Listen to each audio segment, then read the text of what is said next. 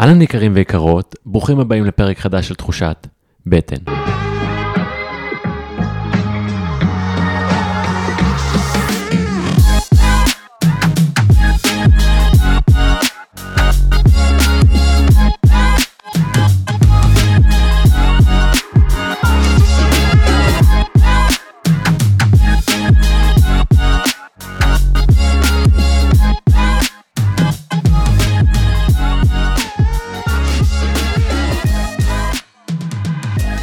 שבוע טוב אנשים טובים, מקווה שהפרק הזה מוצא אתכם רעננים ובריאים.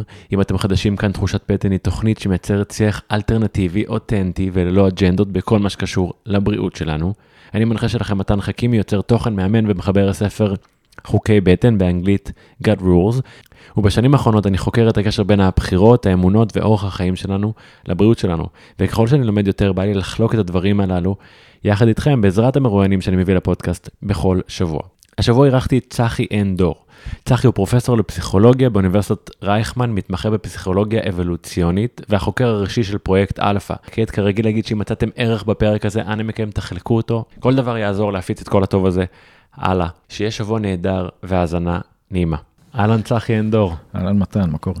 בסדר גמור, כיף גדול לי שאתה פה. אני חייב להגיד, כי באנו לדבר על גנטיקה, ואנחנו נדבר על גנטיקה, אבל לפני שהתחלנו, הייתה לנו שיחה שהעיפה אותי באוויר, וספק אם היא קשורה לגנטיקה או לא, אבל נראה לי ש... אני חושב שבסוף הכל קשור. נכון, נכון, הכל קשור בסוף. אז ככה דיברנו קצת ושאלתי, ביקשתי שתספר על העשייה שלך, ואתה העדפת להדגיש, כי אתה פרופסור מכובד, העדפת להדגיש את העובדה שאתה אבא, ו- וזה לפני הכל, ואז ככה לקחת את זה ל... למקום של אה, נוכחות ואהבה ועבודה, אז בוא, בוא שנייה ניתן לזה רגע. Okay. אוקיי. אמרת, סיפרת שאתה מסיים לעבוד כל יום בשעה שתיים. אה, זה המקום שבו באופן אה, מסורתי, זאת אומרת, מה, מהשלב עוד לפני שאני הייתי מי שאני היום, שהייתי תלמיד יחסית אה, צעיר במקום של דוקטורט, mm-hmm. זה במקום שאתה אמור לתת את מרב השעות שלך לעבודה. והמנחה שלי היה משתגע, כי אני בשעה שתיים יושב באוניברסיטת אה, בר אילן, אמור לעשות את העבודה שאני עושה, ואני זורק את העט והולך הביתה. מה, כן, מה, מה אתה עושה? אני בגילך, או במקום שהיית, שבע עד שבע, אתה צריך לעבוד אם אתה רוצה קריירה באקדמיה, זה לא, לא ככה עובדים. והתשובה שלי הייתה, זה ש... אני חושב שבגיל מאוד מוקדם אני הבנתי מה חשוב לי. מה חשוב לי כ- כאדם ומה מייצר את היכולת שלי להיות uh, האיש אקדמי שהוא, שאני אמור להישפט על, על פיו. Uh, עד כמה אני יצירתי, עד כמה אני סקרן, עד כמה אני עובד, כמה בסוף אני עושה את הדבר האקדמי הזה שנקרא כמו עשיית uh, מחקרים. והמקום הזה ללכת ב, בשתיים הביתה נבע מתוך uh, התובנה מה חשוב לי בכלל, ודווקא מתוך המחקר שעשינו, שזה המחקר על uh, איך הורים בסופו של דבר יוצרים את היצירה הזאת שנקראת אה, ילד עם האישיות שלו והשאיפה שלנו שהילד יהיה מאושר, אז מה שנלמד שם הוא משהו נורא פשוט לכאורה. תהיה שם, תהיה דמות שבנקודות מסוימות שהילד אה, חווה אותן כיותר קשות, תהיה שם. Mm-hmm. לא, לא עבודה קשה. כן.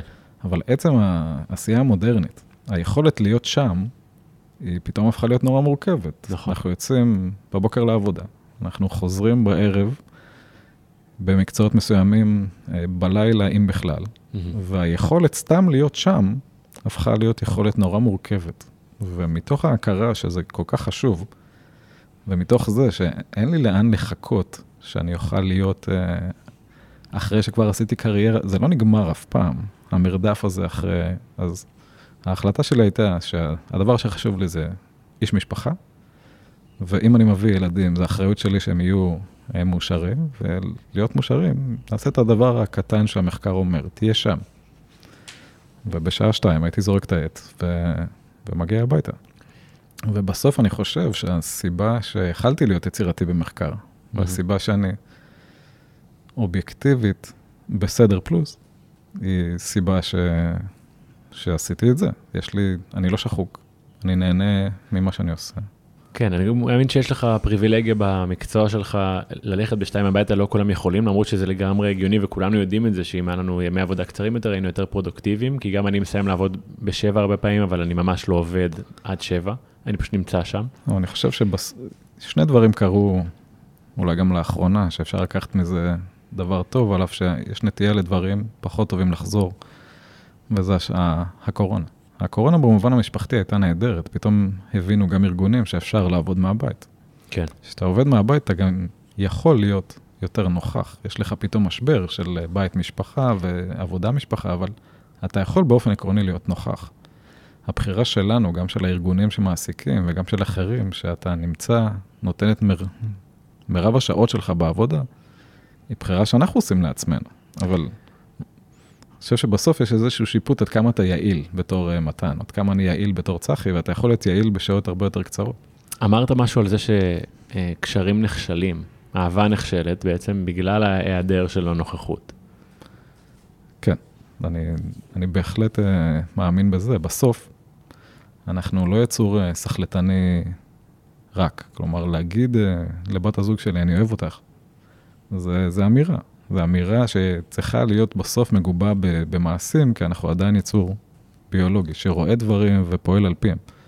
ונתנו דוגמה של כאשר יש לי, אני שם אוכל בפה והוא טעים לי, זה לא טעים לי כי הוא טעים, הוא טעים לי כי יש בו דברים שהגוף שלי למד שהוא צריך אותם, שזה למשל אנרגיה תייצר לי טעם מתוק, אבל זה המוח שלי תרגם את זה כדי שאני אצרוך את זה. ואז השאלה היא, האם כשאני צורך אהבה זוגית, מה אני צורך שם? אני צורך שם משהו שאני צריך, ומשהו שאני צריך זה לא אהבה לשם האהבה, זה אהבה לשם להיות שם. והסיבה שאנחנו בתור יצורים אנושיים, יש לנו בכלל אהבה רומנטית, זה להדביק זוג הורים למשך זמן ממושך, כדי למקסם את האפשרות שהילדים שלנו יגיעו לגיל בגרות ויביאו ילדים משל עצמם. וזה נובע כי בחברות שהן חברות שאינן חברות שפע, חד-הוריות נמצאת במתאם משמעותית לא טוב עם הישרדות של אה, ילדים, אצל נשים זה פוחת פי 7 עד 8, ואצל גברים זה פוחת פי 100 ויותר. ולכן זוג הורים היה נחוץ במרוץ האבולוציוני שלנו, כדי להביא ילדים ללא רק שרידות, אלא בריאות נפשית ו- וכולי. היום בחברת שפע זה, זה לא כל כך מתקיים, אבל אנחנו עדיין אותו יצור. וברגע שיש לנו קלט כזה של אה, אהבה היא לא לשם האהבה, האהבה נובעת מתוך זה שאני רואה שבת הזוג שלי שם, ובת הזוג שלי רואה שאני שם. וזה מה שממקסם את זה. אנחנו עושים משהו נורא מוזר על פניו בעבודה. אנחנו לא בהכרח הולכים מבת הזוג, אנחנו הולכים כי יש לנו איזה הכרח אה, להביא כסף הביתה, והעבודה שלנו זה לשנע את עצמנו למקום אחר, ורוב שעות היום אנחנו לא נמצאים ביחד. ואז הגוף שלנו מקבל קלט יומיומי, אתה לא שם, אתה לא שם, היא לא שם, היא לא נמצאת, היא לא נמצאת. וברגע שהגוף מבין את זה, הוא לא שם, מה זה אומר? אין פה אין מחויבות. אהבה. אם אין מחויבות, אוי ואבוי, מה יקרה לשרידות של הילדים, ולכן אולי נוריד את האהבה, כי זה לא הזוגיות הטובה לך. ואז באופן מלאכותי מה שיוצא, כעצם זה שאתה יוצא, מתוך הידיעה שאתה צריך לכאורה לצאת ולפרנס וכולי, שאתה אומר, אני עושה את זה למען הבית. בפועל מה שיוצא, שאתה נותן אה, לעצמך סממנים, ולבת או בן הזוג שלך סממנים שאתה לא נמצא.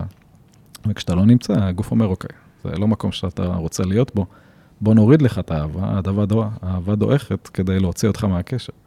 ול-85% מהזוגות זה מה שקורה. וואו, מטורף. אמרת משהו שאמרת אם תחכה להיות מוכן, אמרת קודם. נכון. השבוע בדיוק ראיתי איזשהו משהו, אה, אמרו בו, אה, אם, תהיה מוכ... אם תחכה להיות מוכן למשפחה, כשתהיה מוכן לא תהיה לך משפחה. נכון. אם תחכה להיות מוכן לאהבה, כשתהיה מוכן לא תהיה לך אהבה, ואם תחכה להיות מוכן שיהיה לך זמן לעשות ספורט, כשתהיה מוכן כבר לא תהיה בכושר, וככה על הבריאות וכן הלאה. נכון. זה מאוד נגע בי. אני חושב שכאן זה בדיוק, אה, זה בדיוק, זה לא רק התובנה שהזמן שלנו הוא זמן קצוב. כלומר, ש... במובן של להביא ילדים, ובעיקר בקרב נשים, ויש גיל הבלוט, ועד שנחכה שיהיה קריירה, יהיה פה משהו גופני במובן הזה. זה, זה מובן עכשיו הרבה יותר עמוק. כי אם אתה מבין איך התהליכים מתרחשים, או מה צריך לקרות כדי הילדים שלך יהיו מאושרים, ושהזוגיות שלך תהיה בריאה, ואתה אומר, אוקיי, יש לי אילוצים חיצוניים, ואני אחכה רק כשהתואר הראשון יסתיים, ואני אחכה רק כשהתואר השני יסתיים, ואני אחכה רק כשאני אפתח קריירה ויהיה לי מספיק אה, כלכלה. עד אז, כבר קיבלת כל כך הרבה קלטים שזה לא ולא ולא, שאתה נמצא במקום אחר. כלומר, אם היינו נותנים רק אה, במובן מסוים לטבע לעשות את שלו, כלומר, להבין איך זה עובד ולהתנהג על פי זה, אז החברה שלנו בכלל, אני חושב אנחנו בפרט, היינו הרבה יותר מאושרים ובריאים. בואו נקפוץ רגע חזרה למקור של הנושא, שבעצם יוביל אותנו, אני מאמין, חזרה לכל מה שדיברנו עליו עכשיו. באנו לדבר קצת על, על גנטיקה, נכון. ואולי גם על אפי גנטיקה. אמ, אז אני אתחיל ואגיד משהו, ואז אתה כאילו תמשיך, אבל אם יש אחד הדברים שאני שם לב אליהם בשנים האחרונות, כי באמת לפני כמה שנים התחלתי להתעניין בכל התחום של אפי גנטיקה, זה שיש שיח מאוד ברור אצל אנשים בראש שלהם, שאומר, מה שקורה אצלי הוא גנטי. כלומר, mm-hmm. סבתא שלי היה סוכרת, לאמא שלי יש סוכרת, אז לי יש סוכרת. או לסבא שלי היה דיכאון, לאבא שלי יש דיכאון ולי יש דיכאון, וכן הלאה לגבי, כאילו, כל כך הרבה דברים. נכון. ו... והעולם הזה של אפי גנטיקה בעצם בא קצת להסתכל על הדברים האלה בצורה טיפה שונה. כלומר, יש עוד משמעות חוץ מלגנטיקה, ואם אנחנו מאשימים הכל רק בגנטיקה, גם אנחנו יוצאים קצת ממקום שאין לנו באמת מה לעשות. והתובנה על אפי גנטיקה היא ככה משנה את ההבנה שיש לנו הרבה יותר מקום לעשות בעצמנו. אז בואו אולי תכניס אנשים לאט לאט, אבל שנייה, למה זה אפי גנטיקה. אז אולי ניקח צעד אחד אחורה, אוקיי. וניקח אה, את זה למה זה גנטיקה. אוקיי. הגנטיקה מתחילה בתובנה שכדי ליצור אותנו, צריך קוד. צריך קוד שיודע לייצר את צחי, וצריך קוד שיודע לייצר את מתן, וצריך קוד שיודע לייצר את הכלב שלנו, אנחנו צריכים קוד כמו שאנחנו צריכים מתכון לפיצה, שיוכל לייצר את הפיצה ולא ספגטי או משהו אחר. ואנחנו נולדים עם קוד. וכל אחד מהתאים בגוף שלנו יש בדיוק את אותו קוד. וברמה עקרונית, המחשבה הראשונית של חוקרים בגנטיקה התנהגותית הייתה, אם יש לך את הקוד המסוים, ואנחנו יצור ביולוגי, הקוד הזה אמור לקבוע 100% ממי שנהיה. זאת אומרת, במובן הזה שיש לך גורל, כמו התפיסות רוחנויות מסוימות, לא משנה מה תעשה, יש לך משהו שנכתב בשבילך, זה ראייה מאוד uh, גנטית. Mm-hmm. נולדת עם קוד מסוים, הקוד הזה יוביל אותך לבחור מקצוע, הקוד הזה יוביל אותך להרגיש רגשות מסוימים, הקוד הזה יוביל אותך להתפתח למי שתהיה, כי זה הקוד הביולוגי שמפעיל אותך, ואתה לא יכול להתנגד לו, כי הוא מצוי, הוא אחראי לכל הפעולות הביולוגיות שלך, ואתה יכול לחשוב שיש לך מחשבה חופשית, אבל זה איזושהי יצירה של המוח, שבפועל מי שמניע אותך, כמו במכונית שיכולה לחשוב שהיא זו שמגיעה ממקום למקום, אבל מי שמניע אותנו זה הנהג. Mm-hmm. אז יש חוקר בשם ריצ'רד דוקינס, שבספר נורא מפורסם, שקוראים לו הגן האנוכי, מקביל אותנו בתור אנחנו האנשים. למכונית, ומי שנוהג בנו זה הגנים. הגנים מובילים אותנו ממקום למקום, הם נוסעים, הם הנהג, הם מי שקובע, רק לנו יש את התחושה שאנחנו אלה שמובילים והגורל הוא מקום uh, קבוע. זה המקום הגנטי. והמקום הגנטי הוא מקום נורא, מצד אחד uh, יכול להיות uh, משחרר, כי אתה אומר, אוקיי, יש לי גורל, לא משנה מה אני אעשה, אני אגיע למקום שאני אגיע, אבל יכול להיות מקום נורא שחור. כלומר, אם אני נמצא במקום שחור, וזו הגנטיקה שיש לי, אין לי שום דרך לא לצאת משם. Mm-hmm. הגנטיקה שלי קובעת שאני אגיע גם לשם. כאילו משהו אחראי על הבריאות שלי, על, משהו אחראי על עצמי ולא אני בעצם, לא הבחירות שלי. נכון, זאת הבחירות שלי לא משנות שום דבר. יש לי הגן שלי ואני יכול uh, לעשות את הכושר הכי טוב והדיאטה הכי טובה, גנטיקה, נולדת עם גנטיקה וזה מה שיקבע מי שתהיה. ומה שבסופו של דבר מתחילים uh, לגלות מכל מיני תובנות, שכנראה האמת היא איפשהו באמצע. והתובנה הראשונה זה למשל מחקרי תאומים. כשתחשוב על מחקרי תאומים, בעיקר תאומים זהים, הרי יש להם את אותה גנטיקה. הגנטיקה שלה היא כמעט באופן מלא זהה, פרט למוטציות קלות של ברוב הפעמים לא עושות אה, שום דבר, אבל הגנטיקה זהה. מצד שני, כשאתה מסתכל על אה, זוגות אה, תאומים, אתה רואה שהם לא עד כדי כך דומים. יכולים אפילו להיות להם הבדלים במראה שלהם בגילאים מסוימים, לחלוטין הבדלים באישיות שלהם, ואז שאתה אומר, רגע, רגע, אם הגנטיקה אומרת שאתה חוזת הכל, היא קובעת את כל המהלך הביולוגי שלך, ויש גנטיקה זהה בשני אנשים, אבל הם נראים וגדלים אחרת, כמעט בהגדרה זה אומר שיש עוד משהו שמתרחש מתחת אה, לפני השטח. ומתוך מחקרים אה, כאלה, מחקרים של, אה, של תאומים זהים, התחילו לחשוב שיש עוד משהו שאנחנו לא, לא מבינים. והשדות התחילו להתחלק ל... לאיך הם עושים את זה בפועל. ושדה אחד עדיין היה, השדה הגנטי, היה המרוץ אחר אה, פענוח הגנום האנושי. זה היה בתחילת שנות האלפיים. מספר אה, מרכזים בעולם אומרים את האמירה, אם אני אפנח את הגנום האנושי באופן מלא, הרי שאני יכול לשחזר אדם באופן מלא. זו אותו, אותה גישה. ושלאחר מכן אה, בודקים, כמו גם מחקרי תאומים וגם מחקרים כאלה שבודקים, אוקיי, פענחתי את הגנטיקה שלך, מתן, בוא נראה אם אני יודע לשחזר את מתן, אני לא יודע. בסוף רואים שבאופן נורא מוזר, הגנטיקה שלנו היא לא בדיוק משקפת את מי שאנחנו, יש פה עוד איזה משהו ש... שמשחק תפקיד, שצריך לשים עליו את האצבע. ושם נכנס, נכנסות תובנות אפי גנטיות שנוכל להסביר מהן. כן, אז אפי זה בעצם מעל, נכון? נכון. מעל אפי, הגנטיקה? אפי זה נובע מלטינית אה, סלאש אה, יוונית, שזו המילה מעל. זה אומר שיש משהו שמתרחש מעל הקוד הגנטי, ושגורם לו לפעול או לא לפעול במקומות מסוימים. והדרך אה, להתחבר ללמה זה בכלל קיים, דרך התובנה שנניח במוח שלנו ובקיבה שלנו יש בדיוק את אותו קוד גנטי. אז איך הגוף ידע לייצר מוח במוח וקיבה בקיבה, זה הרי אותו קוד. אותו קוד אמור לייצר אותו דבר. ואז מה שרואים שיש מעל הקוד הגנטי, אה, מעין אה, אזורים שאומרים, טוב, אה, אני אסביר לך, מורה דרך. אני אומר לך, את הקטע הזה של הקוד תקרא במוח, ואז זה ייצר לך מוח.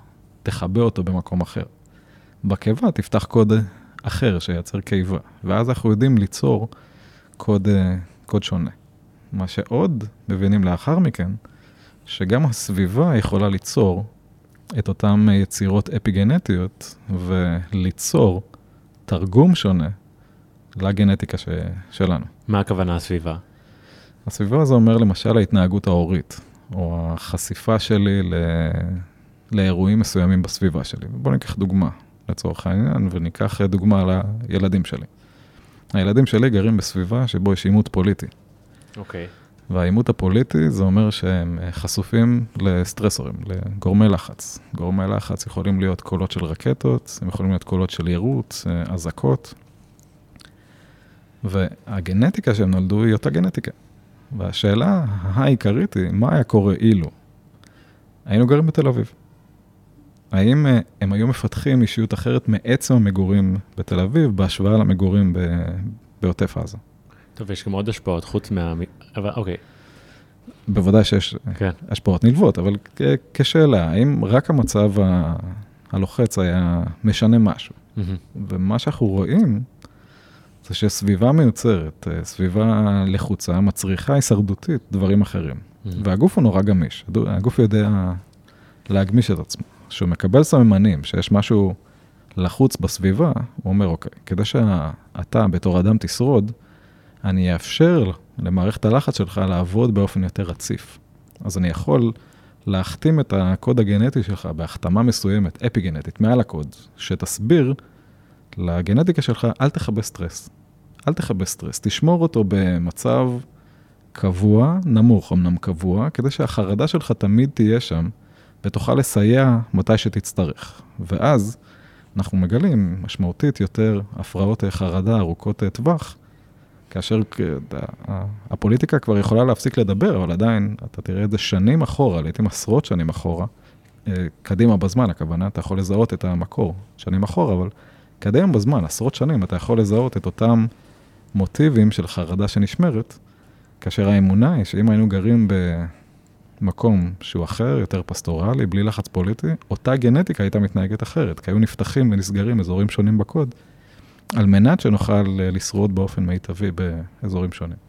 וואו, זה מרתק, כי רוב ההתעניינות שהייתה לי בחיים שלי סביב גנטיקה ואפי גנטיקה הייתה בדרך כלל קשורה לבחירות אה, אורח חיים, כמו מה אני אוכל, או אם אני עושה ספורט וכדומה, שגם הוכח שיש להם השפעה, אז נגיד, בהקשר של מה שאמרתי קודם, מישהי שיש לה סבתא חולת סוכרת ואימא חולת סוכרת, אז האם ירשת גנים בעייתיים, או בעצם אולי, אולי ירשת את אותה, אותם הרגלים ודפוסי חשיבה שהובילו אותך לסבול מאותו דבר, לחוות אותו דבר. או משהו באמצע.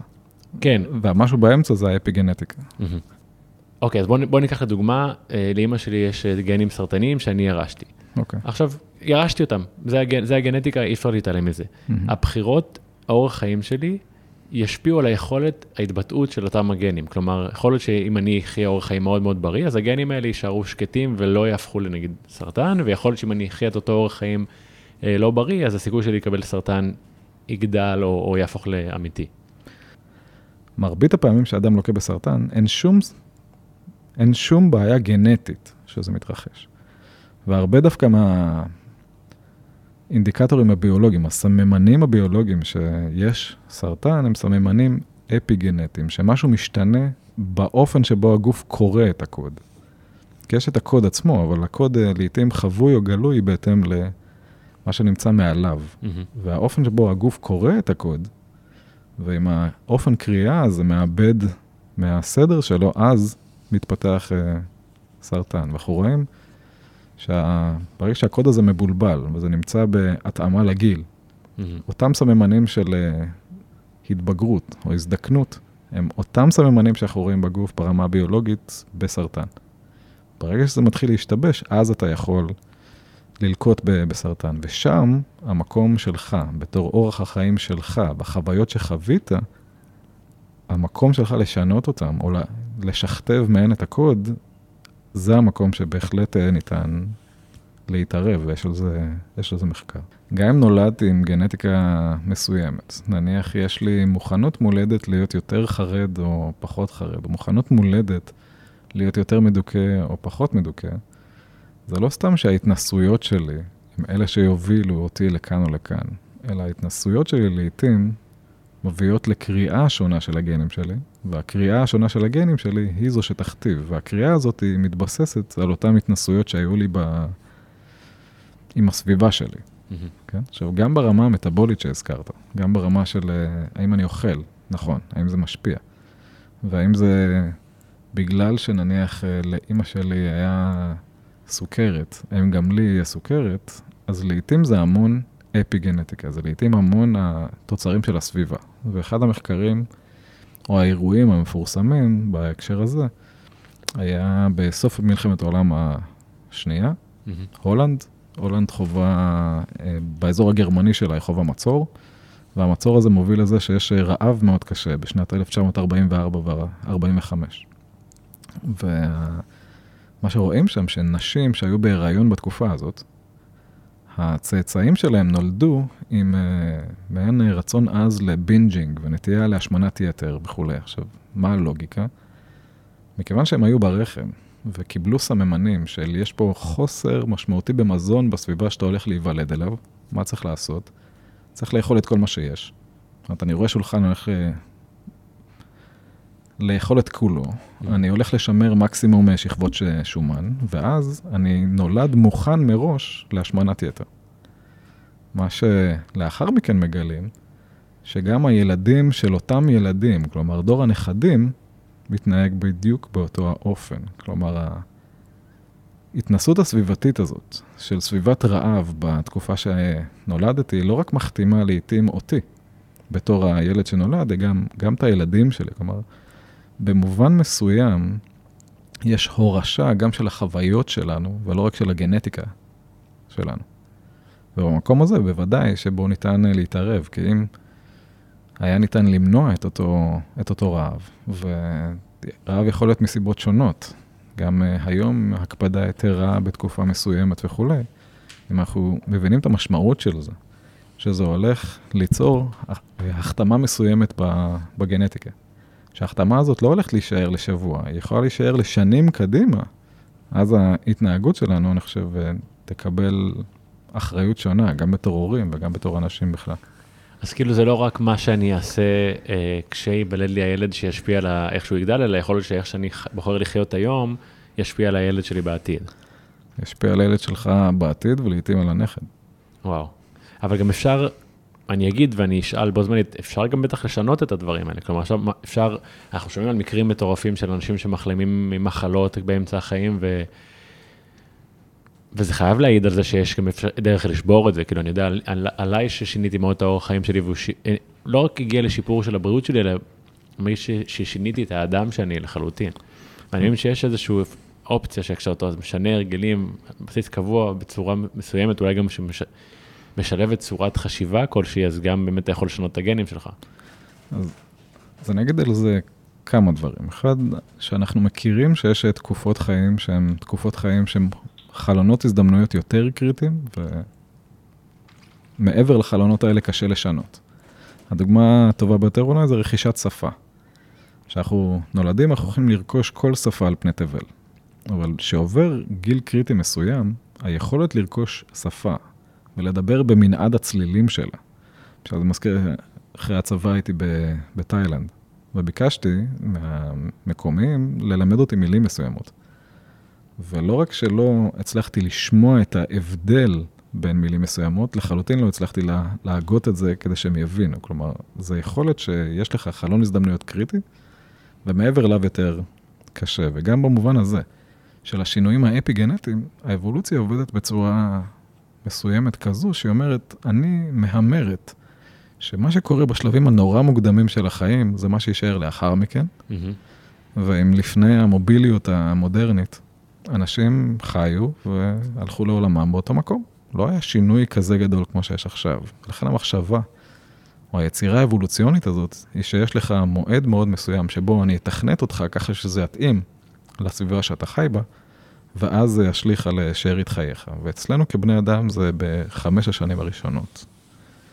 מה שכן, ואם עושים למשל מחקר שמסתכל כמה שינויים יש כאלה, אז בשינויים אפי-גנטיים, כמה כתיבה מחדש של הקוד, כמה החוויה משנה את הקוד של מי שאני, אז בחמש שנים הראשונות, אז יש חלק שמראים שכמעט שב, שביעית מהגנים שלנו עוברים שינויים כאלה ואחרים, כלומר שינויים אסטרונומיים ביכולת שלך להפוך אותך מקצה לקצה לאדם כזה או אחר. אבל מעבר לגילאים האלה, זה לא שזה נעצר לחלוטין, אבל זה הופך להיות יותר מורכב. והשינויים פוחתים משמעותית על אף שהם קיימים. אז זו דוגמה אחת, שבאופן גורף, יש חלונות הזדמנויות, והיכולת שלנו להתערב במי שאנחנו ומה שאנחנו, זה היכולת שההורים שלנו מקנים לנו באותה סביבה ראשונית. ההתייחסות ההורית תקבע המון ממי ש... שאנחנו, ותציב אותנו בנתיב. אבל כמו שאמרת, החוויות שינו אותך. ואם נתחבר לחוויה שמשנה, אז חוויה אחת שיכולה לשנות, שעברה תהליך של מחקר, היא נניח חוויה טיפולית. עכשיו אנחנו משוחחים, יכול להיות שזה יכול להיות סשן טיפולי מסוים, שאנחנו כרגע עובדים על בעיה מסוימת. עכשיו, איך אני יודע שזה עובד? אז אחד מהמחקרים שנעשו, לקחו הפרעות של הפרעות חרדה, mm-hmm. שההפרעות אולי הכי שכיחות היום, ועשו את הטיפול כלומר, אחד הטיפולים היותר עובדים, טיפול קוגניטיבי התנהגותי, שבו עובדים על הלכי המחשבה וכולי. עכשיו, מתוך המחקרים האלה על טיפול, אנחנו רואים שכחצי מהאנשים זה עובר והתסמינים שלהם שוכחים, אבל חצי זה לא עובד. ומה שראו, שבחצי שזה עבד, זה לא רק שהם דיברו מהפה ולחוץ כזה, שעכשיו אני מרגיש יותר טוב ובאמת זה נעלם, אלא מצאו שינוי אפי-גנטי, האופן שבו הגוף עכשיו למד לעבוד, הוא למד לעבוד באופן שונה. וזה אומר שהטיפול לא רק הצליח לתקופת הטיפול, אלא הוא טיפול שהולך להישאר מעכשיו ועד, ועד בכלל. זה אומר שאומנם מעבר לחלונות ההזדמנויות, יש לנו, יהיה לנו יותר קשה לשנות, אבל גם ביולוגית אנחנו עדיין ברי שינוי. מעניין מה שאתה אומר, זה לקח אותי לחשוב על על, בכלל על מחקרים, כי בטח יש עוד מלא פקטורים שקשורים ליצור, ליצור שינוי אצל בן אדם, כמו אם הוא בכלל רוצה ומוכן לייצר שינוי. ככה שאתה עושה, אני מעניין אותי, כאילו אתה עושה מחקר כזה ואתה אומר, אוקיי, חלק עבד עליו, חלק לא עבד עליו, ברמה הקוגניטיבית של טיפול כזה ואחר, אבל מה אם הבן אדם בכלל לא היה מוכן כמו אנשים אחרים? איך אתה יודע באמת שזה נמדד בצורה נכונה? אני חושב שזו שאלת השאלות, ומה שבעיקר חסר זה מחקר. כי ב... אם ניקח את, אה, את החלון הזדמנויות, שהוא החלון הראשוני שיש לנו. בתחילת חיינו, שזה החלון שבו ההורים שלנו עושים את, אה, את הטוב ביותר שניתן וקובעים המון ממי ש... שנהיה, אז על החלון הזה, כמה ההתנהגות ההורית משנה לאחר מכן במופעים האפיגנטיים שלנו. כלומר, משנה את הקוד שיוצר האם אני אהיה חרד או אמפתי וכולי. יש בסך הכל, התפרסם ב-2020 מחקר שסקר את כל העשייה שם, יש 11 מחקרים בלבד. Mm, בהשוואה למאות אלפים שנעשים בתחומים אחרים. כלומר, אנחנו בעיקר באמת עוד לא יודעים. חסר שם מחקר שיגיד בדיוק את מה שאתה אומר. כלומר, מה אני צריך להגיד לאדם מסוים? כדי שזה ייצור את השינוי המיוחל. איזה שינוי צריך לעשות? האם זה כמו שאתה אומר, נניח ספורט, כי רק זה דבר ביולוגי שמייצר שינוי, או שזה יחסים, או שזה גם וגם, מה בדיוק עושה את השינויים האלה? אנחנו פשוט לא יודעים. אני, אם שם להגיד את דעתי אישית, אני חושב שדבר ראשון, כדי לייצר שינוי, הבן אדם צריך באמת לרצות לייצר שינוי. זה לחלוטין, כי ללא חוויה חדשה, לבטח לא יהיה שינוי. כן. ומה שיוצר שינוי זה חוויה אחרת ממה שהגוף אה, מקבל. אפרופו זה שאנחנו יצור ביולוגי ומקבלים קלטים אה, מאוד מסוימים. אז רק אם אתה תיחשף לחוויה אחרת, הסיכוי שאתה תהפוך להיות אדם אחר, זה הסיכוי שזה יתרחש. אני אקח נניח את הדוגמה שלי אה, ביחסים הזוגיים שלי. אז כשאני הכרתי את, אה, את אשתי היום, אני הייתי אדם הרבה יותר סגור חברתית. הייתי נמנע כחלק מהיסטוריית חיים מסוימת. אני יתום אה, מגיל צעיר, אה, איבדתי את ההורים שלי אה, מסרטן, בגיל 12 את אמא שלי, בגיל 16 את אבא שלי. וואו. וללא ספק זה יצר לי סגנון אישיות מסוים שהוא, אני צריך לסמוך על עצמי. זאת אומרת, אם, אם ההורים שלי לא נמצאים שם, אז יכול להיות שאני צריך לסמוך על עצמי, והפכתי להיות אדם שהוא יותר עצמאי, ובמובן אחר גם יותר נמנע מחברה. זה יכול להיות אה, חלק מזה שאם הם הדמויות האלה והם נעלמו, אז על, על מי אתה סומך? לגמרי. אבל אז שאשתי הגיעה, והיא נשארה שם על אף מי ש... שהייתי. Mm-hmm. על אף זה שהייתי טיפה מרוחק חברתית וכולי, והיא נשארה שמה. אז החוויה ארוכת הטווח הזאת, עם אדם שנמצא שם, שהוא uh, מוקיר תודה ומוקיר את מי שאני, ונמצא על אף הכל, שינתה אותי והפכה אותי לאדם אחר, אדם יותר אה, בטוח במקום שלו, ואדם יותר חברותי וכולי. ואני מאמין מתוך המחקרים על, אה, על תהליכים אפיגנטיים, זה שאם השתניתי ברמה הפסיכולוגית שלי, זה חייב להיות שיש היה שינוי מקביל ברמה הביולוגית שלי. כלומר, זה לא יכול להתרחש ללא זה. כי אם האישיות שלי היא קבועה, על אף הסערה הזאת של אה, בחוץ של, של החיים, אם אני מצליח לתחזק אישיות קבועה, משהו בביולוגיה מתחזק את זה. והמשהו הזה זה החתימה השונה, האפי-גנטית, החתימה הזאת שאומרת, אוקיי, הבנתי שעכשיו הסביבה שלך השתנתה, הבנתי שיש לך משהו אחר, הבנתי שאתה יכול לסמוך, בוא אני אאפשר לך מערכות חברתיות לפעול אחרת ממה שהורגלת, כי כנראה הסביבה שלך השתנתה. אז גם, אני חושב שמההיסטוריה האישית שלי, אני חושב שזה, שזה נכון, אבל המחקר מתחיל לתמוך בזה. מדהים, אז אני אגיד לך, כאילו, איפה אני... כאילו איפה אני פוגש את הדבר הזה. הרי אם אנחנו יצור ביולוגי, אז בעצם כל דבר שאנחנו עושים משפיע על הביולוגיה שלנו. כלומר, יכול להיות שזה תהיה התזונה שלנו, הספורט שלנו, אם נבחר לחיות במקום עם סטרס, בלי סטרס, אולי את זה שנראה חדשות כל בוקר, דיברנו על להחזיק סטרס, אולי בן אדם רואה כל יום חדשות, כל יום בסטרס, משפיע לו על הביולוגיה, הוא לא חושב ומתנהג כמו בן אדם שלא יצרוך את זה. נכון. ואז יש באמת את האינפורמציה של האפיגנטיקה, ואז אנחנו מגיעים למצב שיש אנשים שיש להם, נקרא לזה מחלות כרוניות, אוטואימוניות, סרטן ומיניהם, דיכאון, חרדה, הפרעות פסיכוסומטיות כאלה ואחרות. ויש לך אה, אה, עולם שלם של מדע שאומר, אין מה לעשות עם זה. כלומר, נוצרת מחשב, כאילו כל השיח על גנטיקה, המקורי לפני האפיגנטיקה, יוצר מחשבה מאוד מגבילה אצל אנשים. של נכון. אין מה לעשות, וכבר יש הרבה עדויות שמראות ההפך, יש סיפור מדהים שלך, יש סיפור uh, שלי של שינוי בבריאות ואין סוף, אין ספור סיפורים, mm-hmm. ועדיין טבוע מאוד לאנשים בראש העובדה של מה לעשות, זה גנטי. כי זאת, אני חושב שבסוף זה גם יותר קל. כלומר, שאתה אנחנו מכירים מתחומים אחרים, ששינוי הוא שינוי. שינוי, אתה לא רוצה לחוות אותו, גם אם, גם אם החוויה שלך עכשיו רעה, שינוי יותר מפחיד מאשר משהו אחר. והרבה פעמים אנשים שחווים הפרעות חרדה, הם אומרים, זה הדבר המוכר לי. כאילו, אני יודע מי אני, שאני חרד. אני יודע מי אני שאני מפוחד, אני יודע מי אני שאני מדוכא, ואני לא בטוח שאני יודע מי אני שאני מאושר. Mm. אז עצם הפתיחות לזה שאתה באמת צריך חוויה אחרת, ושחוויה אחרת היא אפשרית, אז זה ה... כמו שאמרת, זה ההתחלה. ולא סתם, אני מאמין במה שאמרת, שאם אני ארצה, יכול לקרות שינוי. כי אם אני ארצה, אני פתוח לחוויות חדשות. הפתיחות לחוויות חדשות יכולות, במרכאות, לחנך את הגוף שלי, שהנה יש פה סביבה אחרת, יש לי חוויה מתמשכת שונה שאני מקבל. בחוויה המתמשכת השונה שאני מקבל, יכולה מעין אה, ללמד את הגוף של, אה, תשמע, אולי הסביבה שהתרגלת אליה היא לא הסביבה שיש לך, אנחנו אולי ניצור לך שינוי, נפתח מערכות כאלה ואחרות. אני, אחד או נניח אחד השינויים שמתרחשים זה בעקבות התמכרות לסמים. מה, מה זה ההתמכרות הזאת? אתה משתמש פעם אחת בהרואין ואתה מכור לשארית חייך. כלומר, החוויה של הרואין היא לא רק הייתה החוויה הרגעית, היא יצרה משהו שונה במופע של המערכת הגמול שלך עכשיו, שאתה, זהו, אתה עכשיו מכור לשארית חייך. והמופע הזה הוא מופע אפיגנטי. כלומר, לקחת סם, התרחש איזשהו שינוי אפיגנטיקה באופן שבו מערכת התגמול עובדת, ועכשיו אתה מכור. ומחקרים שנעשו על אה, בעלי חיים, גרמו להם, כמובן האתיות היא שאלה גדולה, אבל גרמו להם להיות מכורים, mm-hmm. ופשוט נתנו להם תרופות שלאחר מכן לוקחות את אותם מולקולות אפיגנטיות, שהפכו את המערכת הגמול למכורה במרכאות, והוציאו את זה ממנה.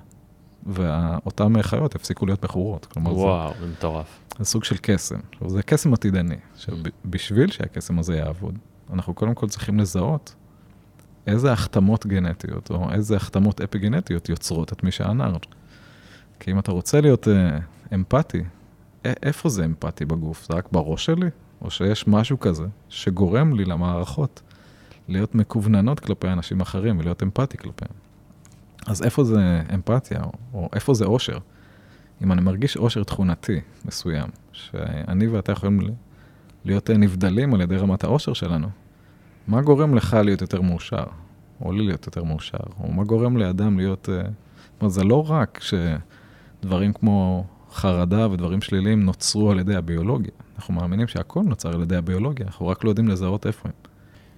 זה לוקח אותי לחשוב, ראיתי איזה קטע וידאו עם, עם, עם The Rock, אני לא זוכר איך קוראים לו, אבל השחקן The Rock, והוא מדבר על זה שהוא קם כל יום, הוא דיבר על מוסר עבודה או להגשים את עצמך, אבל הוא אמר שהוא קם כל יום ב-4 בבוקר, והוא עובד איקס זמן על ה-mindset שלו בכלל, כאילו מתחיל בזה. כי כן. עם מה שאתה מדבר, יש כל כך, אתה, אתה אומר למה בן אדם אחד ככה ולמה אחר ככה. היום, היום בימים שלנו עם כל הסחות דעת, יש 8,000 סבירות ללמה בן אדם יהיה לו גנים אחרים. נכון. ואז אתה אומר, אוקיי, הוא, הוא, חשבתי לעצמי, אוקיי, הוא קם ב-4 בבוקר, דבר ראשון יושב עם המחשבות שלו ומנסה בכלל לייצר בהם איזשהו סדר. כי אנחנו קמים יותר ישר לטלפון, ישר להסחות דעת, ישר למייל, ישר ל... לבלגן שלה בחוץ, הוא עובד על זה. ואז הבן אדם הזה דואג לאכול, תראה, כי הבן אדם הזה נראה כמו... כן. בן אדם מאוד מרשים. מאוד מרשים. אי אפשר לתת, להשליך הכל לגנטיקה, הוא לא נולד ככה. נכון, אני חושב שעם אותו, זה אותו רציונל, שעם אותו גנטיקה בהתנהגות אחרת אתה תהיה שונה. אז אני חושב שזה מדהים, כי אתה אומר, אוקיי, בא בן אדם כזה, והוא עובד כל יום בשביל לייצר את הגנטיקה שהוא רוצה, הוא עובד על המוח שלו, ואז הוא בוחר את מה הוא יאכל, ואז הוא עושה ספורט, ואז הוא... וכאילו, אני אומר את זה כדי שכל אחד אה, שמאזין יבין כמה השפעה מטורפת יש לו על לייצר חיים שהוא רוצה, כי אם אנשים מחלימים מהמחלות הכי קשות, אם אנשים הופכים להיות הדמויות שהן רוצות להיות, כמו לצורך העניין דה רוק, ואתה עובר חוויות שהופכות אותך מבן אדם יותר סגור לבן אדם פתוח, ואני מבן אדם חולה לבן אדם בריא, או בן אדם שיש לו משמעת נמוכה למשמעת גבוהה. כאילו, הכל אפשר לשנות, והבסיס של זה, זה בעיניי זה המחשבה המקבילה של אין לי מה לעשות. הבסיס הוא, הוא התובנה... או ההבנה שהכל אפשרי בעצם, במקום יותר חיובי. או, או התובנה שהגנטיקה היא לא מי שאתה. אומרת, הגנטיקה היא מי שאתה עד מקום מאוד מסוים, אבל הגנטיקה היא לא מי שאתה. היא לא מי שיצרת את האישיות שאתה יוצר, והיא לא מי שתקבע לך אה, אם תהיה מדוכא או לא. זה נכון שיש מוכנות כזו או אחרת, ואנחנו מוצאים בהרבה תופעות שאם עושים שוב את אותם מחקרי תאומים או מחקרי אימוץ, אנחנו מוצאים לעיתים שתופעות מסוימות, כמו המוכנות שלך להיות אה, מדוכא או חרד, ומשם מגיעות הטענות האלה, יש בזה בסיס גנטי מאוד גדול. אבל אז שאלה, איזה בסיס גנטי? האם זה הקוד הגנטי שלך, או זה הבסיס האפי-גנטי שלך? זאת אומרת, זה החוויות שהחתימו אותך, ואז אתה אחראי לחוויות של עצמך, או במקרה הזה, הרבה הורים אחראים לחוויות של, אה, של מי שאנחנו ויוצרים את מי שאנחנו. וגם נניח ב, בסיפור האישי שלי, אני חושב שהסביבה הראשונית של ההורים שלי הייתה סביבה כל כך טובה, שהיא בסופו של דבר אפשרה לי לאחר מכן לחזור ולהיות אדם בטוח על אף אותה חוויית אובדן קשה. אבל היה לי סביבה כזאת שיכלה לייצר לי את אותה מוכנות ראשונית. וזה מצד אחד אומר, אוקיי, יש לך אחריות בתור אדם, אבל אני חושב שזה גם אומר שצריך לזכור שהאחריות שלנו היא לא רק על עצמנו. זאת אומרת, החוויות שלי ומי שאני ומה שאני אעשה, זה חוויות שיעברו גם לילדים שלי, לא במובן של, אוקיי, אני התייחסתי או לא הייתי נוכח וזה בסדר, עכשיו אני יכול לשנות. החוויות האלה יכולות להחתים לעיתים לזמן חיים. והאחריות על להיות, האחריות על לעשות, האחריות להבין, היא אחריות מאוד משמעותית. במי שאתה ומה שאתה עושה. כלומר, לדעת שבהתנהגויות שלך, זה לא רק שאם אני אומר משהו, יעשה משהו, אז הילד שלי לזמן רגעי, אלא זה יכול לחדור מתחת לעור ולשנות את מי שהוא. שמעתי פעם הרצאה של בחור שקוראים לו פיטר Sage, אה, היה לו TED Talk, um, הוא דיבר על, ה, על, ה, על הכוח של ה-unconscious mind, איך אומרים את זה, התת מודע? והוא דיבר, הוא אמר משפט שם שאני מאוד אוהב, סביבה מנצחת כוח רצון. והוא דיבר על זה שאם אה, אם אה, ישימו אותך עם חבורה עכשיו של עשרה נרקומנים, לתקופה מסוימת, בסוף גם אתה כנראה, אה, אולי זו לא דוגמה מעולה, אבל תשים את עצמך בסביבה של אנשים מסוימים, אתה תתחיל לחשוב ולהתנהג כמוהם, לטוב ולרע. אז כלומר, אני ממש מאמין שיש לכל הבחירות האלה השפעה על, על מי נהפוך להיות בסופו של דבר. כן, אני, אני, אני בהחלט... מאמין, כי ככה זה בסוף הופך להיות uh, ברמה הביולוגית. הגוף שלנו בסך הכל רוצה לכוון אותנו למקום הכי טוב, ש... אבל הוא צריך לקבל בסוף uh, איזה שהם כלים לעבוד איתם, והכלים של לעבוד איתם זה החוויה שיש לי. וכשאומרים החוויה מייצרת uh, בסוף מציאות, זה נכון שזה יכול לעבור קודם כל בתוך מחשבה שתייצר מציאות, אבל המחשבה צריכה לייצר חוויה שתייצר את המציאות הזאת. כלומר, אם אני רק חושב שאני רוצה להיות מאושר, ואני לא אעשה את איקס הדברים שיראו לגוף שלי שבאופן פוטנציאלי אתה יכול להיות כזה, אז זה לא יתרחש. כלומר, המעבר בין מחשבה מייצרת מציאות, היא חייבת לעבור במחשבה מייצרת פעולה, שמייצרת מציאות. במובן הזה, המון מהשיטות הפסיכולוגיות עובדות בצורה הזאת. כלומר, כמו שאמרת, אחד, אני רוצה להשתנות. זאת אומרת, אני מרגיש חרדה ואני רוצה להשתנות. אז זה מה שיוביל אותך ל... לרצון נניח להגיע לטיפול. ואז בטיפול, חלק מהשיטות זה לחשוף אותך לחוויה אחרת. אני אחשוף אותך לחוויה שתראה שזה לא כל כך נורא. ואם הגוף שלך יראה פעם אחר פעם אחר פעם שזה לא כל כך נורא, אז הוא יגיד, אוקיי, אפשר ל... Mm. הבנתי, אני יכול לכבות את, ה... את הסטרס. אבל עצם המחשבה הראשונית שלך, שאני צריך להשתנות, אם אתה תמשיך לעשות את אותם מעשים, זה לא יהיה באופן קוסמי. זה, זה, זה לא קורה קוסמי כי אני רוצה. אני רוצה ואני עושה מעשה. נתת דוגמה של, אה, של דה רוק. זה לא שהוא החליט שהוא יהיה אדם בריא, הוא עושה את זה כל בוקר, הוא עושה את זה כל יום. Mm-hmm. אז עצם ההחלטה שמחשבה מסוימת מייצרת אה, מציאות מסוימת, והמציאות מכתיבה בסוף לגנים שאומרים, אוקיי, הבנתי, הסביבה השתנתה, אני יכול אה, להשתנות ולשנות את מי שאני. וגם אני מניח שהמסע האישי שלך הוא לא מסע רגעי, ש... החלטת ובזה הפכת לאדם אחר. זו הייתה המון עבודה, המון חיטוט רגליים ומסע שהוא לא רק מסע מחשבתי, הוא בסוף מסע פיזי במציאות עם התמודדות מול מציאות מסוימת, שברגע שהיא השתנתה, אתה השתנית.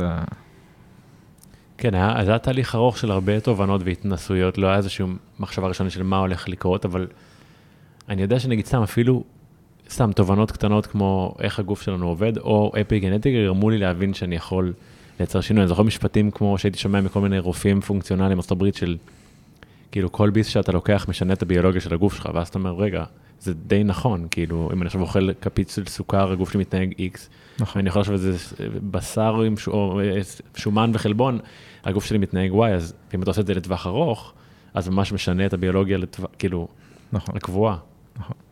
אז האופן, אני חושב שבסוף זה גם האופן שבו הנפש שלנו תעבוד. אם אנחנו נכיר את החוקיות של הדברים שבסופו של דבר עובדים, אז אנחנו נוכל לייצר מציאות שונה, לא רק לנו. שוב, האחריות אה, שלנו בתור בני אדם, בעיקר כאלה עם אה, רצון אה, להקים משפחה וזוגיות וכולי, כל הדברים האלה בסופו של דבר משפיעים. האופן שבו אני אתנהג, זה לא ייצור רק תגובה ראשונית מהאדם שעומד מולי. זה יחדור מתחת לאור, כי זה אומר, תשמע, זה הסביבה שאתה חי בה, ואם זו הסביבה שאני חי בה, כדאי שאני אהיה 1, 2, 3. וה-1, 2, 3 יכול להיות מאושר, אמפתי וחברתי, וגם יכול להיות uh, חרד, uh, חושש ומפוחד.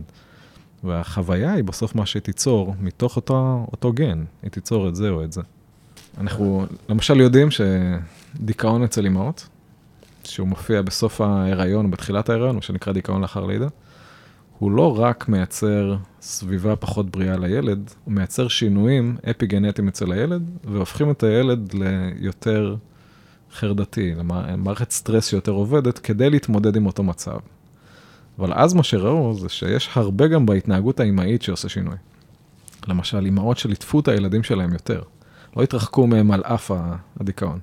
כלומר, עם זה שהם היו בדיכאון, החליטו לעשות פעולות אה, כדי לשמור על הילד. נכון, אוקיי. ומצאו שמי שבחמש שבועות הראשונים, אם היו אימהות שליטפו משמעותית יותר, נניח אלה שמעל הממוצע ואלה שמתחת לממוצע, אז אימהות שליטפו יותר, כלומר הבינו, זה הדיכאון שלי, אבל אני לוקח עליו אחריות ואני מבין שאני צריך לעשות פעולות מעבר, שזה היה ללטף את הילד, אז מהילדים האלה נחסך השינוי הזה. כלומר, וואו. השינוי, זה הפך אותם לילדים נורמטיביים לחלוטין, על אף שהחוויה היא לכאורה אותה חוויה עם אימא, עם אימא דיכאונית בתחילת החיים שלי. אבל עם אימהות ש... היו בדיכאון, ולא עשו לכאורה את הצעד הקשה הנוסף, והיו רחוקות מה, מהתינוקות, וליטפו אותם פחות, אז התינוקות כן החזיקו מערכת סטרס, כי הסביבה הראשונית לימדה אותם אחרת. איזה עוד דברים משמעותיים, כמו מה שסיפרת על, ה... על הדיכאון אחרי לידה והליטוף, אה, אתה מכיר ממחקרים אחרים? שוב, אחד, יש מחקרים למשל, אה, מחקרים על תזונה, כמו, ש... כמו שהזכרת. אה, הרבה נשים נניח נוטלות אה, חומצה פולית. חומצה פולית היא אחד הבסיסים לתהליכים האפיגנטיים, כלומר, כאשר יש את המולקולות האפיגנטיות, נקרא מולקולות מטיל, שהם אלה שסוגרים את הקוד, או, או אם מוציאים אותם, הם פותחים את הקוד, המקור שלהם זה חומצה פולית, כלומר, המקור שלהם זה מזון. אז זה בהחלט גם באופן שבו אני אוכל, או כמויות הדברים שאני אוכל, מה אני אוכל, משפיעים גם על ההחתמות האפיגנטיות המסוימות שאנחנו עושים. כלומר, עצם, עצם המעשים שאנחנו עושים, או מה בדיוק הדברים האלה קורים, משפיעים המון על uh, מה מייצר אותנו ועל איזה שינויים זה משחק. אני חושב שזה מדהים מה שאמרת, ובעיניי אין הבדל בין uh, תזונה לכל דבר אחר שאנחנו מזינים בו את עצמנו. כלומר, לצפות נכון. בחדשות זה להזין, להיות בקשרים חברתיים זה להזין, לאכול זה להזין, תרופות זה להזין, נכון. אלכוהול, סמים. כל דבר. קבוע שתעשה. אז הוא בסוף יכול לייצר לך את אותה, את אותה מציאות. ולכן הרבה דברים שהם לכאורה נאמרים כאילו בכל מיני סדנאות לשיפור עצמי, fake it until you make it. זה לגמרי זה. כי אם אני עושה בהתחלה משהו שהוא לא אני, אבל אני מייצר מציאות אחרת, אני מייצר זה, אני אומר, אוקיי, אני לא טיפוס חברתי, אבל בהגדרה, מה שאני עושה עכשיו זה יוצא ופוגש חברים, כלומר, או אני יוצא ו... מחייך. זה שוב, משהו בהיסטוריה שלי, בעקבות, ה, בעקבות ההורים שלי, גם לא הייתי האדם הכי מאושר בעולם. אני זוכר שנתקלתי עם אה, אהבה, אחת מהאהבות הראשונות שלי שהייתי בגיל 13, נתקלתי בה בגיל 18, והיא שאלה אותי, אה, אה, מה קורה? לא יודע מה עבר עליי, אבל אמרתי את האמת. ואמרתי חרא. מדהים. ואז אה, אני זוכר את עצמי, נעמד בקניון, יש לי רגע מכונן כזה, ואני אומר לעצמי, מה עשיתי? כאילו, מה אמרתי את האמת? אז אמרתי, מעכשיו אני עושה משהו כזה. כל פעם שואלים אותי, מה שלומי ואני מרגיש חרא, אני אומר בסדר. ואם אני מרגיש בסדר, אני אומר מצוין. ותוך שלושה חודשים הפכתי להיות כאילו אדם, זה fake it until you make it. וואלה. כי ברגע שהתחלתי להתנהג אחרת, פתאום הגוף שלך גם מקבל קלטים אחרים, הוא מתחיל להשתנות. אז אני חושב שוב, מסר שזה לא מספיק מחשבה, היא לא תייצר מציאות. מחשבה תייצר את ההזדמנות לעשות משהו אחר. כשתעשה משהו אחר, אז תשתנה. אני חושב משהו מדהים, מה שאתה מוסיף לארסנל של הצורת חשיבה שלי זה, אם אני באמת תמיד חשבתי שספורט ותזונה נגיד ישנו את הביולוגיה, אז פה אנחנו מדברים הרבה על, על המחשבה, ואני חושב שמה שמעניין זה שאולי איפה שאתה נמצא עכשיו, מישהו שמאזין, לא בכלל מבין מה הוא יכול להיות. אם הוא יתחיל לעשות באופן קבוע שינויים משמעותיים. כלומר, אנחנו חיים בעולם שאומרים לך, דיכאון, גזירת גורל, חרדה, גזירת גורל, חולי, עייפות, נכון. ואז אתה אומר, אוקיי, אין מה לעשות, ואתה מחפש אה, ככה אה, פתרונות שהם לא בהכרח כאילו מועילים לטווח ארוך, ופתאום כן, אני יכול עושה... לקחת פתרון רגעי שאני אלך. לסדנת אה, ויפאסנה בשתוק שבוע, או אני אעשה משהו רגעי ואני אלך לתוספי מזון רגעיים שייתנו לי ואני אתייש אחרי שלושה חודשים. או הקלאסי ביותר, התרופות. או, או שאני אלך לתרופה שתטפל בתסמין ולא תטפל ב... לא תשנה לי את החוויה. כל עוד החוויה לא משתנה, אתה לא משתנה. זה אחד מהחוקיות, ה... ולכן... כל עוד החוויה פעמים... לא משתנה, אתה לא משתנה. נכון. זה מדהים, משפט יפה. אז אני חושב שזה בסוף המוטו האפיגנטי. אם, אם, אם חוויה היא מה שחושפת את הגוף שלי למשהו אחר, והמשהו האחר הזה מייצר את מי שאני, אז ללא שינוי של החוויה, אז לא יהיה שינוי שלך. אני לא יודע אם יש מחקרים כאלה, אבל מה אתה חושב על זה שיש כאלה שאומרים שלייצר שינוי לוקח איקס ימים, נגיד 90 ימים כדי לייצר שינוי, זה, זה משהו שנמדד אי פעם? זה נכון? אני מאמין שיש איזשהו כמות מסוימת שאם תעשה אותה כל יום, של שינוי מחשבתי, תזונתי, בחירות יומיות שאולי באמת תמצא בן אדם אחר בתוכו. אז אני חושב ששוב, כמו הנחת המוצא שלנו שאין מספיק מחקר, אז התשובה היא אין מספיק מחקר. אבל אם ניקח את זה לתשובה אחרת במקומות אחרים שאנחנו רואים, ברגע שיש לך שינוי קבוע במי שאתה, הביולוגיה שלך השתנתה. זאת אומרת, זה מעין אה, שיקוף של, אה, של רמה אחרת. אז אם אני אקח נניח את הטיפול התרופתי והוא לא ישנה את החוויה שלי, אלא אני רק, הוא ישנה את התסמינים שלי. התסמינים שלי ירדו לתקופה מסוימת, אני אפסיק לקחת ואני אחזור, כי לא שיניתי שום דבר. אבל אם כחלק מהטיפול, וזה מה שהטיפול הפסיכולוגי מנסה לעשות, הוא חושף אותי לחוויה אחרת, מכריח אותי להיחשף לחוויה אחרת, ואז החוויה שלי משתנה, ואני עובד על זה ברמת השיעורים, אם אני אעשה את זה באמת פעם אחר פעם, אז הגוף יכול להכיר, אוקיי, יש פה חוויה שונה שאני חווה אותה לאורך זמן, בוא נשנה את האופן שאני עובד, ואז אתה משתנה גם לאורך זמן. אני רק רוצה להוסיף על זה לסיכום, כי אתה לוקח כל פעם למקום של הטיפול הפסיכולוגי, ואני חושב שזה נפלא, ואני בעד כל טיפול שיכול לעזור. אבל זה גם חוויה אחרת, זאת אומרת, זה גם החוויה האישית שלך. כן, אז אני אומר, נגיד, לצורך העניין, אפשר לעשות שינוי ענקי בין זה שאם קמת היום בבוקר ובמקום לצרוך חדשות קראת ספר. לגמרי. ואם בין, אה, אתה יודע, במקום אה, לרוץ בחדר כושר רצת בחוץ והיית בשמש, לבין אם אכלת קורנפלקס לאכלת עכשיו ארוחה מזינה מלאה. דברים ממש ממש קטנים יכולים לשנות אותך לגמרי. אבל כל עוד לא תתייאש. כל עוד לא תתייאש. כן. זאת אומרת, השינויים בהתחלה, גם לטובה, הם שינויים קשים. כן. והרעיון הוא לא להתייאש. כלומר, זה נכון שאדם קם בבוקר ומחליט משהו מסוים, אבל כדי שזה, השינוי יהיה לאורך זמן, הוא באמת צריך לחוות אותו תקופה מסוימת ולעשות את זה תקופה מסוימת כדי ליהנות מהפירות של זה, כדי שהגוף יגיד, אוקיי, זה המקום שבו אני יכול להשתנות. אני חושב שגם בנוסף לכל מה שאמרת שדורש לייצר שינוי, אני חושב שחשוב להבין שהדברים שאנחנו שקיימים בנו היום לפני השינוי. אני חושב שכולנו ככה מכורים לאיזשהו דופמין שמגיע מתזונה, ממסכים, נכון. מאלף ואחד דברים שהופכים את זה לעוד יותר קשה, אבל חשוב שחשוב גם להבין את זה. ובגלל זה אני גם חושב ששינוי, אני חושב שכדי לייצר את שינוי צריך להחליף משהו במשהו. זה הדבר הכי חשוב. כלומר, לא להגיד אני מפסיק עם החדשות ואז להישאר בריק. להחליף את החדשות בספר אז זה, זה חייב להשתנות בחוויה. כלומר, אז אני כאילו וגם אז אני גם אגיד כאילו אתה מחליף דופמין רע בדופמין לפעמים טוב אתה לא חייב להישאר בלי הדופמין, פשוט תמצא את הדופמין הנכון יותר, להתאמן במקום טלוויזיה. נכון, שוב, אם, אם חוויה מייצרת מציאות, אז החוויה צריכה להשתנות. זה לא חוויה של ריק, חוויה של ריק תיצור, אוקיי, אתה, יש לך ריק חברתי או ריק אחר, אז מה נייצר אותך? נייצר בעיה חברתית, כי ריק הוא לא, ריק הוא לא בריא, לא מאנשים או לא ממשהו אחר. אז ברור שזה לא מספיק, או אולי אחד מהמסרים זה שזה לא מספיק להפסיק חוויה שלילית. אתה צריך ליצור חוויה חיובית כדי שבאמת הגוף שלך ביולוגית ישתנה. אתה צריך להתחיל ב... לרצות את זה, לבוא ולחוות את זה, ולעשות לחלוטין fake it until you make it, ולעשות את השינוי ההתחלתי שהוא אומר, זה קשה לי, זה זר לי, אני לא מכיר את עצמי בתוך החוויה הזאת, אבל אני, אני אתנסה בכל זאת. ושאתה נחשף, אתה יכול להתחיל ליצור את השינוי.